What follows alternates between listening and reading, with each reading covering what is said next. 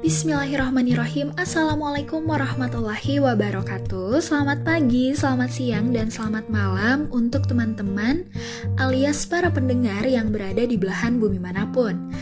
Wah, akhirnya balik lagi nih ya Dengan sosok dengan uh, orang di balik podcast bersua via suara.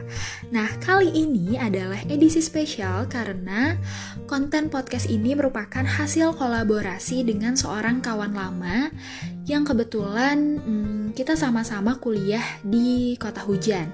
Dan saat ini di tengah semua aktivitas kesibukan dan keproduktifannya, dia masih menyempatkan untuk menggeluti menggeluti menggeluti dunia blog atau nyebutnya gimana sih? Perblogan. Eh, apa pun itu ya pokoknya dia masih aktif buat nulis blog. Jadi teman-teman juga wajib banget untuk mampir ke halaman blognya yaitu di kelekaofficial.wordpress.com karena memang tulisannya ini bagus-bagus dan daging semua. Anyway, bentuk kolaborasinya kali ini denganku sederhana aja sebetulnya. Kalau dia uh, biasa menyapa para pembacanya via tulisan, nah kalau aku akan mengajak kalian seperti biasa tentunya bersua via suara, tapi topik yang kita angkat ini sama, yakni tentang Muslim harus kaya. Um, mulai dari mana ya? Oke, okay.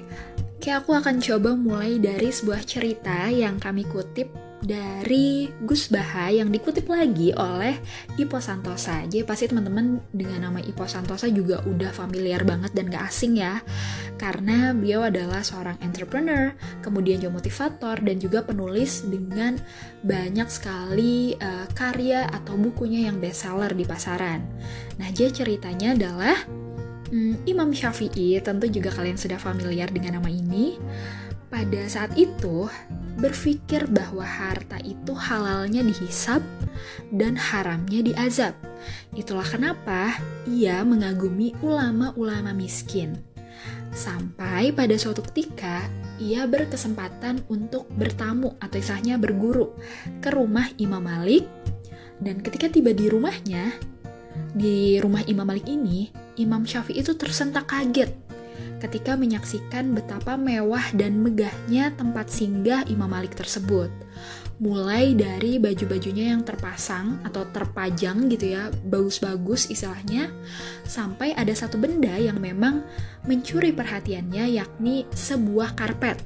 Karena ketika Imam Syafi'i menginjakan kaki di karpet tersebut, dia betul-betul bisa merasakan betapa empuknya, lembutnya karpet tersebut sampai-sampai si kaki eh mata kakinya Imam Syafi'i itu tenggelam saking lembut dan ya tadi apa ya empuk banget gitu. Atau uh, mungkin kalau ilustrasi lain ya teman-teman dan ini berdasarkan pengalaman pribadiku aku punya ya teman atau sanak saudara yang kita sebut kayak keluarga sultan lah gitu. Jadi pas kita nyampe ke rumahnya kita pasti dipersilakan untuk duduk dong duduk di sofa. Ketika duduk ini baru nempel nih ya badan kita sama bangku. Itu tuh badan eh, sama sofa badan kita tuh langsung tenggelam. Karena saking sofa tersebut tuh nyaman empuk dan lembut banget. Dan tentunya kalau yang uh, punya kualitas bagus kayak gini harganya juga pasti mahal dong. Maksudnya hanya orang-orang golongan tertentu nih yang bisa beli gitu. Mungkin itu ilustrasi lainnya. Nah balik lagi dengan cerita Imam Syafi'i tadi. Jadi ketika dia menyaksikan baju lalu tadi karpet yang embut embut lembut dan empuk banget uh, Imam Syafi'i mulai membatin. Loh Imam Malik ini kan orang alim ya kenapa hartanya bisa berlimpah banget gitu? Tapi beliau masih menahan diri jadi itu cuman oh, ngomong kalau di sinetron ya ngomong dalam hati aja gitu ngomong sendiri kan. Sampai akhirnya setelah selesai berguru di imam uh, di rumahnya Imam Malik ia melanjutkan perjalanan ke rumah Imam Al Syaibani nanti coba teman-teman googling ya. Uh, kemudian Imam Malik nih nganterin nih ke pasar buat ngerental unta. Karena kan kalau pada waktu itu uh, kendaraan utama yang dipakai adalah unta ya. Nah, ketika hendak berangkat, Imam Syafi'i diberikan kalau kita istilahnya mungkin uang transport lah ya, diberikan uh, beberapa uang transport. Kalau zaman dulu yang digunakan adalah dinar dan kalau dikonversi ternyata itu nilainya mencapai 50 juta jadi banyak banget. Lalu Imam Syafi'i makin terheran-heran gitu.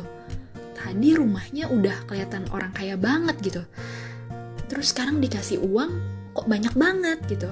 Padahal selama ini ulama-ulama miskin yang dikenalnya nggak pernah tuh ngasih dia uang yang uh, ya nggak pernah ngasih dia uang yang banyak. Kok ini yang kaya justru kayak ringan eh mau ngomong ringan tangan. Ringan tangan ini ya? Suka mukul ya? Uh, dermawan banget gitu. Mau ngasih uang yang banyak kepadanya. Tapi lagi-lagi Imam Syafi'i masih menahan diri untuk ya udahlah nurut-nurut aja gitu nggak terlalu banyak komen sampai dia tiba di kediamannya Imam Al-Syaibani yang tadi uh, untuk berguru selanjutnya dan lagi-lagi matanya dibuat terbelalak ketika menyaksikan Imam Al-Syaibani ini tengah sibuk sibuk memotong bongkahan emasnya yang banyak sekali lalu dipindahkannya ke gentong-gentong yang besar. Jadi kalau bahasa kita tuh mungkin widih tadi ngelihat kekayaan Imam Malik di rumahnya aja udah melongo gitu. Lah ini dia yang masih lebih kaya lagi gitu kali ya kalau kalau bahasa kitanya. Sampai akhirnya uh, keheranannya tuh udah membuncah gitu. Misalnya kayak udah udah berada di pada uh, udah sudah berada pada satu titik yang kayak kok kayak gini? gitu. Kok nggak nggak uh, sesuai dengan anggapan dia yang lama gitu terkait kekayaan harta ulama dan lain-lain gitu. Pada sampai pada akhirnya suatu hari Imam Syafi'i memberanikan diri untuk mengutarakan keheranannya, tapi tentu dengan cara-cara yang sopan ya. Uh, dia bilang gini ke Imam Syaibani, eh ulama kok kaya sih? Terus dengan santai Imam Al Syaibani menjawab gitu, ya udah kalau gitu gimana nih? Saya uh, kasih harta-harta ini ke orang fasik aja kah kata katanya kayak gitu nah, mungkin kalau teman-teman ada yang belum tahu fasik orang fasik di sini kalau misalnya kita merujuk pada Quran surat Al Hasyr ayat 19 um, fasik ialah mereka yang lupa dan lalai kepada Allah gitu ya artinya tentu ialah mereka yang justru lebih sering atau sibuk melakukan dosa dan berduha, berdurhaka kepada Allah gitu. Nah, lanjut lagi ya. Hmm, jadi itu komentarnya gitu ya udah kalau gitu saya kasih aja harta-harta ini ke orang fasik gitu aja gitu. Terus sama Imam Syafi'i ketika mendapatkan respon itu langsung uh, sontak kaget dan bilang oh jangan gitu. Kalau misalnya dikasih ke orang yang enggak-enggak bisa-bisa harta ini malah mengalir ke tempat-tempat yang syarat akan kemudorotan atau maksiat gitu. Nah kalau misalnya dilihat dari cerita ini gitu ya mungkin teman-teman sudah mulai bisa meraba-raba kan bahwa uh, selama perjalanan uh, Imam Syafi'i sebetulnya beliau sedang belajar hal baru gitu tentang perspektif melihat bahwa uh, menjadi kaya itu nggak salah dan diperbolehkan gitu dalam Islam. Bahkan untuk selevel ulama orang-orang hebat atau berilmu gitu ibaratnya nggak ada tuh di, diminta menjadi miskin. Hidup sederhana itu boleh itu pilihan. Tapi kalau kaya ya memang ibaratnya penting gitu. Nanti lah ya di akhir takutnya kebocorin sekarang. Gue di akhir nanti dijelaskan. Nah ada satu cerita lagi sebetulnya ini dikutip dari buku Ustadz Salim Afilah bahagianya merayakan cinta. Nah aku yakin di sini udah pada banyak yang baca bukunya ya. Bahwa pada saat itu ada seorang sahabat Ali Ali bin Abi Thalib maksudnya uh, yang mungkin sebutlah terkesima gitu ya melihat kesederhanaan gaya hidup seorang Ali, seorang pemimpin besar yang sebetulnya kaya raya gitu, tapi gaya hidupnya tuh kayaknya sangat uh, sederhana banget gitu. Akhirnya, si sahabat ini coba meniru gaya berbusananya. Dia mengenakan jahitan yang juga seadanya, bahannya kasar, kemudian banyak tambalan di mana-mana gitu kalau kita bolong jahit bolong jahit lagi bolong lagi jahit lagi itu kayak gitu uh, padahal si sahabat ini juga sebenarnya kondisinya adalah seorang niagawan yang kaya gitu. Dan ketika Ali tahu akhirnya ditegur. Nggak kayak gitu caranya. Allah suka kok gitu ketika kenikmatannya itu ditampakkan. Tapi tentu secukupnya gitu ya sebagai rasa syukur. Toh case-nya kalau kita lihat Ali Ali ini adalah uh, posisinya sebagai seorang pemimpin gitu, pemimpin umat yang uh, seorang pemimpin yang sedang memegang amanat umat gitu, amanah umat. di mana rakyatnya tentu berasal dari banyak lapisan sosial ekonomi yang mulai dari kaya banget sampai miskin banget tuh ada gitu. Jadi Ali berpikir kalau ia bermewah-mewahan secara berlebih-lebihan juga gitu. Ali khawatir akan menyakiti hati sebagian umatnya. Nah, kalau dia cerita ini, Masya Allah gitu ya, kita jadi betul-betul bisa memahami bahwa memang dalam Islam itu tidak ada larangan untuk kita menjadi kaya.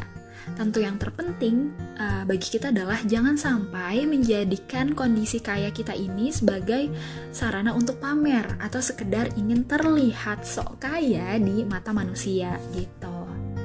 Nah, lebih lanjut lagi, kalau misalnya teman-teman tahu salah satu tokoh uh, besar ekonomi syarih di Indonesia yaitu Bapak Syafi Antonio, beliau menjelaskan bahwa kamu, aku, kita semua nih ya sebagai umat muslim harus dan boleh kaya asalkan memenuhi tiga syarat. Yang pertama, cara-cara yang kita pakai untuk memperoleh harta itu bisa kita jamin halal lagi baik gitu. Jadi bukan dengan menzolimi orang lain, misalnya mencuri, menipu, atau dengan merusak lingkungan sekitar.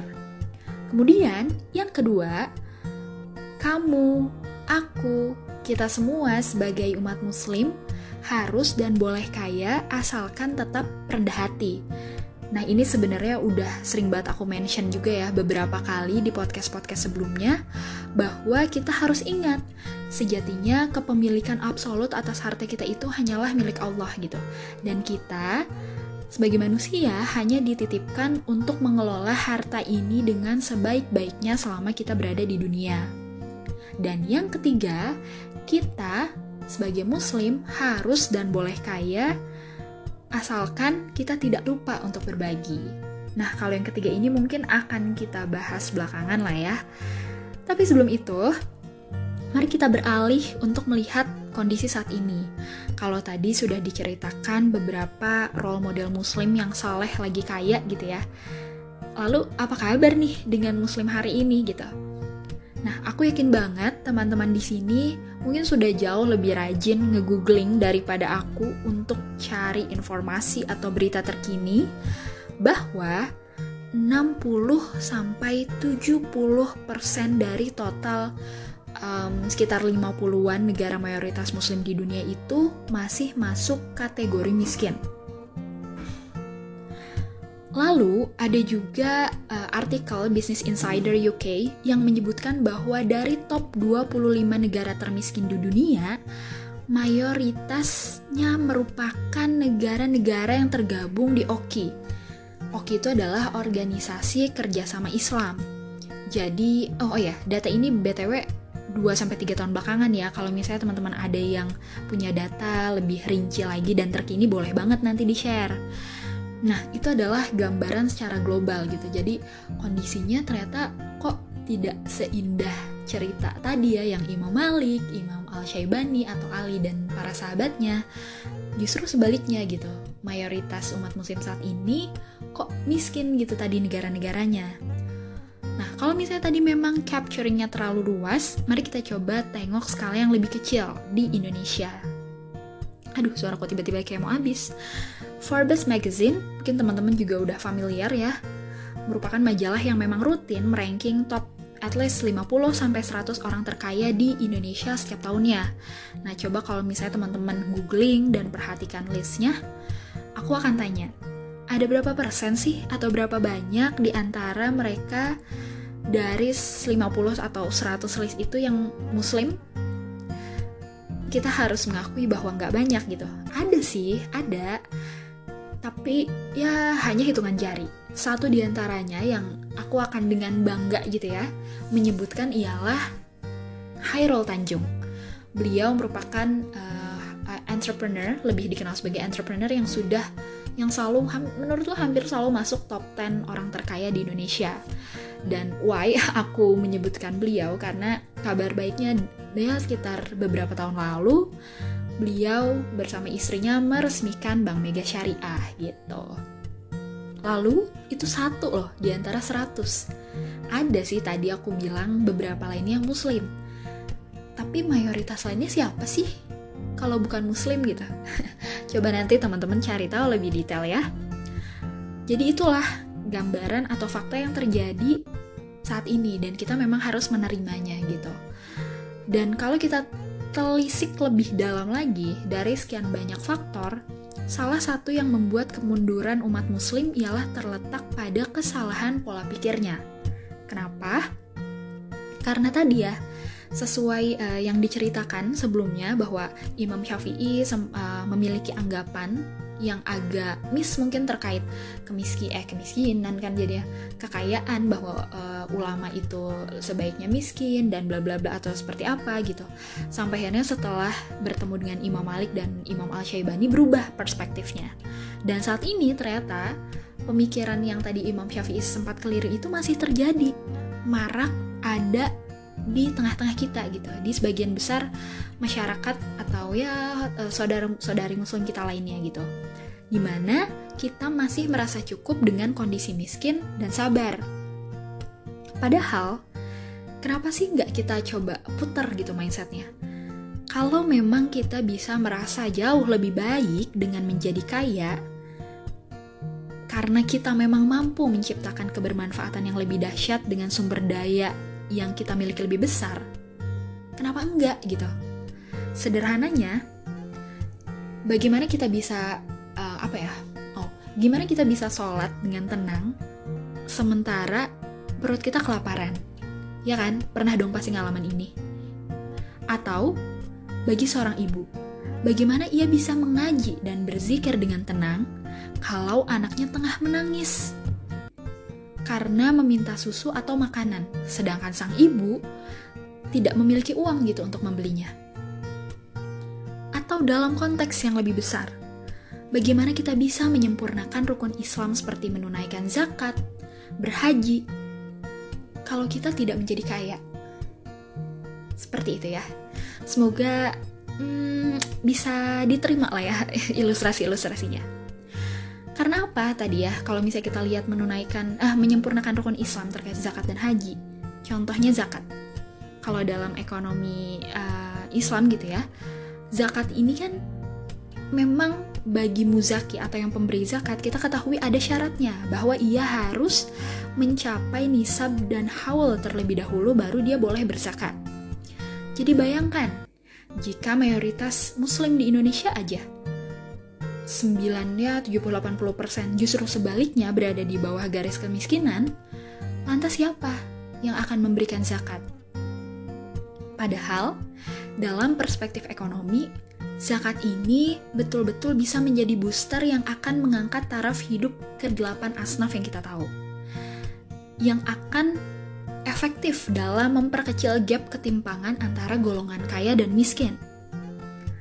Tapi, kalau kita masih memiliki pola pikir untuk merasa nyaman dalam kemiskinan, bagaimana roda perekonomian kita tuh bisa uh, terus berputar.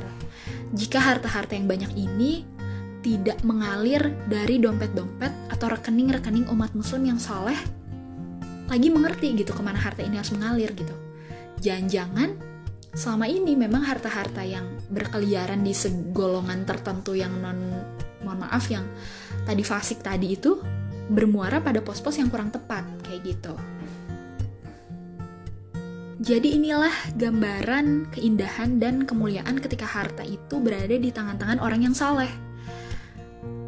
Karena seseorang yang saleh, seorang muslim yang saleh itu, dia tentu bisa merepresentasikan umat yang tidak hanya kaya secara material, tetapi juga spiritual.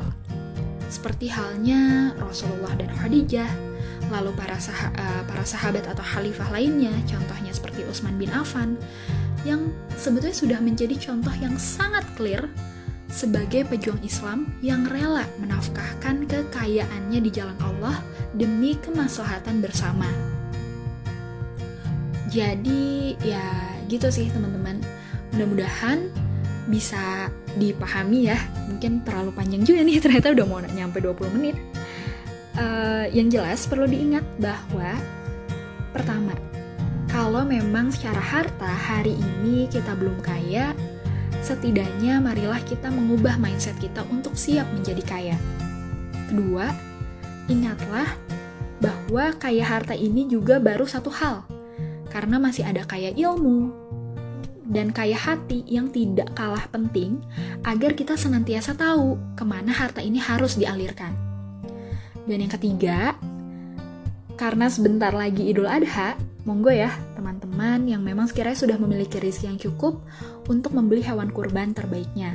Mulai dari kambing yang kecil, sampai sapi atau kurban yang bobotnya nyampe 1,2 ton yang biasa jadi inceran para pejabat, monggo dibeli.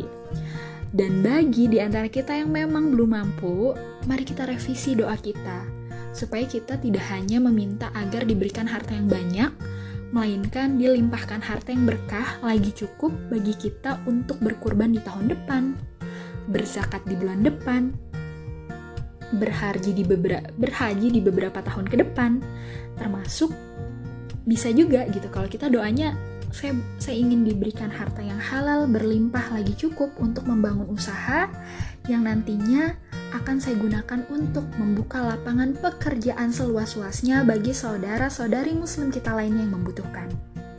Kayak gitu ya. Jadi demikian, wallahu a'lam bisawab. Mudah-mudahan setelah dengar podcast ini teman-teman bisa menjawab pertanyaanku yang terakhir. Jadi gimana nih? Sudah siapkah kita menjadi bagian dari umat Islam yang kaya lagi kuat? Monggo dijawab dalam hati masing-masing. Anyway, sekali lagi jangan lupa ya berkunjung ke blognya temanku tadi yaitu kelekaofficial.wordpress.com dan yang terakhir seperti biasa jika podcast ini dirasa membawa pesan dan kesan kebaikan pastikan jangan berhenti di kamu ya Terima kasih sudah mau bersuah via suara dan sampai jumpa di episode selanjutnya. Wassalamualaikum warahmatullahi wabarakatuh.